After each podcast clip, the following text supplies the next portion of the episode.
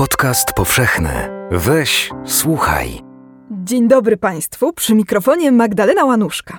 W drugim już odcinku podcastu powszechnego w cyklu Sztuka Powszechnie Nieznana postanowiłam opowiedzieć Państwu o średniowiecznych krucyfiksach animowanych, czyli poruszających się. I nie chodzi tutaj o żadne cuda, tylko o rzeźby z wbudowanymi mechanizmami do poruszania. No mało kto dzisiaj wie, że średniowieczne krucyfiksy, no właściwie figury ukrzyżowanego Chrystusa, miewały ruchome części. No, najczęściej to były kończyny, ramiona i nogi, a także głowa. No i można było taką rzeźbę przybić do krzyża, a potem zdjąć z krzyża i złożyć do grobu.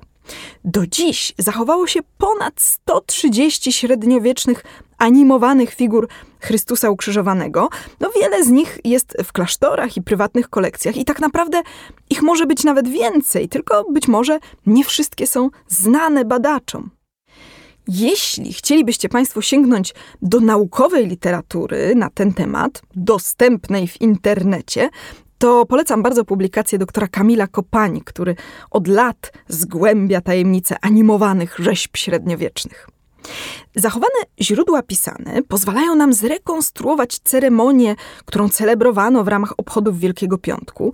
Odgrywano śmierć Chrystusa, zdjęcie z krzyża, opłakiwanie, złożenie do grobu po obmyciu wodą i winem. I ta ceremonia miała różny przebieg. Są źródła na przykład z benedyktyńskich klasztorów niemieckich z XII wieku, z Pragi z XIV wieku, chociaż to wszystko jest osadzone w tradycjach znacznie wcześniejszych.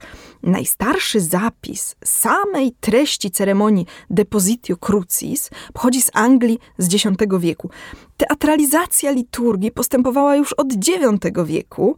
No, w kolejnych stuleciach ceremonie przyjmowały coraz bardziej zróżnicowane, rozwinięte formy, takie zbliżające się do spektakli. Ale szczególny rozwój pobożności powiązanej z rozpamiętywaniem męki pańskiej nastąpił w późnym średniowieczu. Niektóre z tych rzeźb miały nie tylko ruchome ramiona, i to czasem dodatkowo również w łokciach, ale też nogi, biodra, głowę, a nawet oczy albo usta. Poza tym, dla większego wrażenia realizmu, taki Chrystus mógł mieć włosy i brodę z prawdziwych ludzkich włosów, a nawet całe ciało pokryte skórą. No, nie ludzką oczywiście, tylko bydlęcą. Dodatkowo, do celów inscenizacji śmierci Chrystusa, te figury miewały za raną w boku umieszczony pojemniczek, z którego mogła wypłynąć krew. Najbardziej ekstremalne przekazy mówią nawet o figurach z paznokciami zrobionymi ze zwierzęcych rogów. Tutaj przykładem może być krucyfiks z katedry w Burgos w Hiszpanii z drugiej ćwierci XIV wieku. Jego zdjęcie jest teraz na stronie mojego podcastu. I teraz, proszę Państwa, jest bardzo ciekawa możliwość, żeby zobaczyć, jak dokładnie był zrobiony taki średniowieczny krucyfiks z Burgos, ponieważ w 2014 roku została wykonana replika tej rzeźby, bardzo precyzyjna. Wykonano drewniany korpus ze wszystkimi łączeniami, pokryto skórą, wykonano nawet te paznokcie. Są też prawdziwe włosy, a w tym przypadku to jest tak precyzyjnie zrobione, że nawet palce Chrystusa są elastyczne. Dzisiaj to właśnie ta kopia jest w Burgos używana w liturgii wielkopiątkowej. A w serwisie YouTube jest 10-minutowy film pokazujący wykonanie tej repliki, dzięki czemu możemy zobaczyć, jak dokładnie działał taki średniowieczny krucyfiks.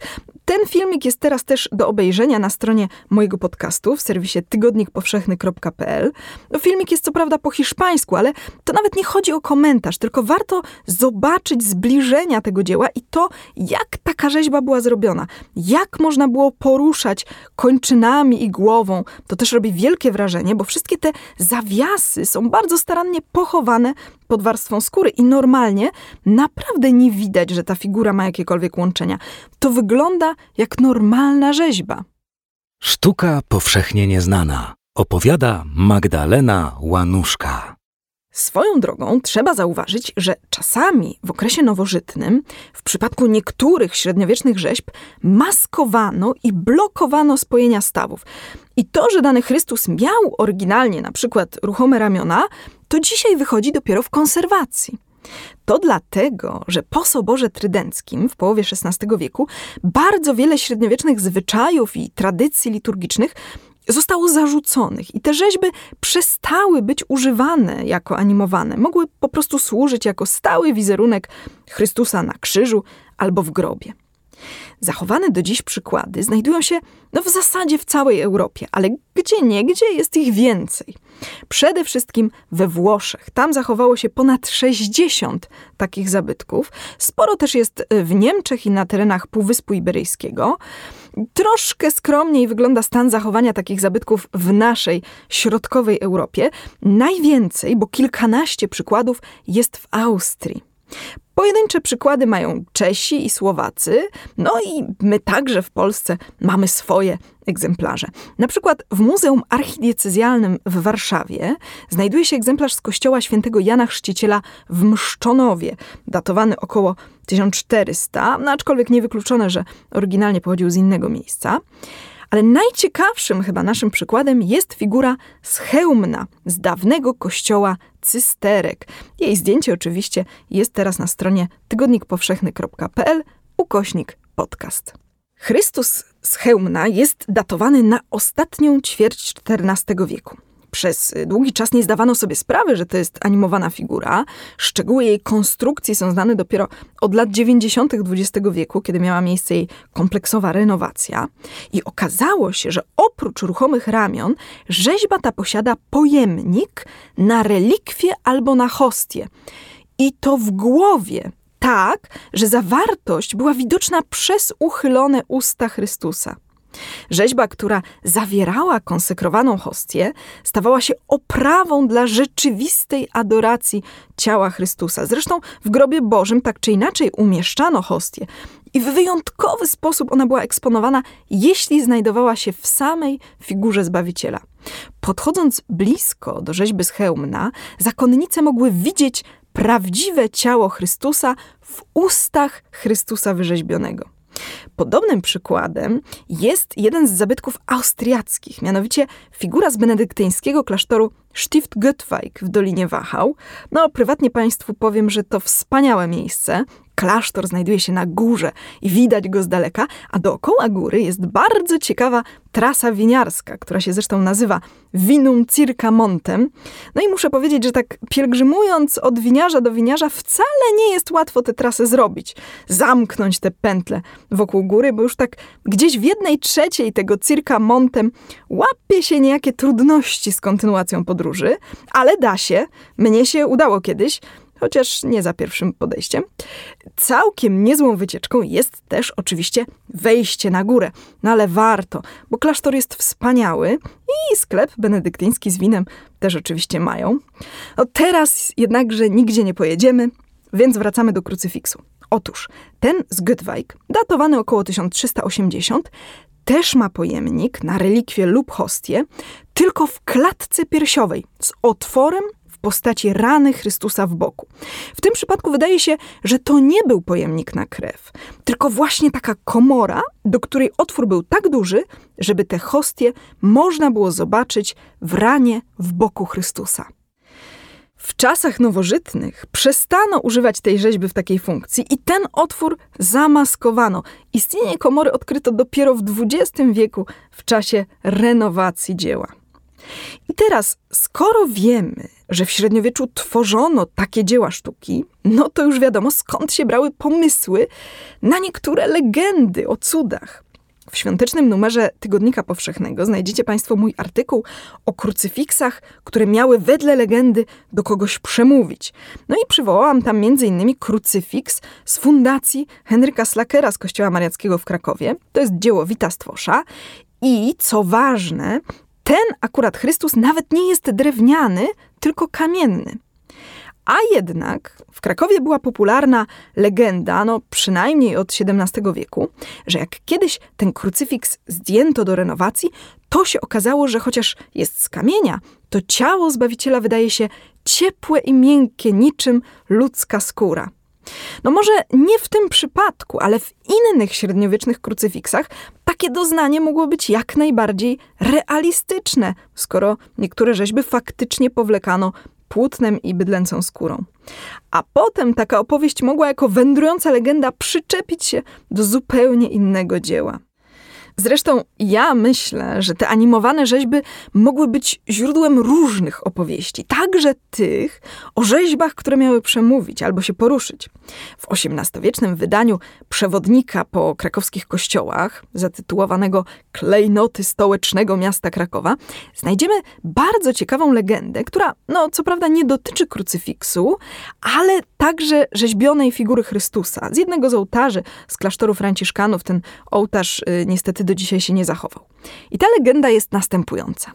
W krużganku jest ołtarz miłosierdzia zwany, zamykany, w którym stoją dwie osoby: Pan Jezus i Najświętsza Panna. O tym Panu Jezusie jest taka fama od dawnych czasów, że miał niegdyś złodzieja za czuprynę uchwycić, który woda srebrne zdejmował i nie puścił go, póki nie przyobiecał sąd karą go darować.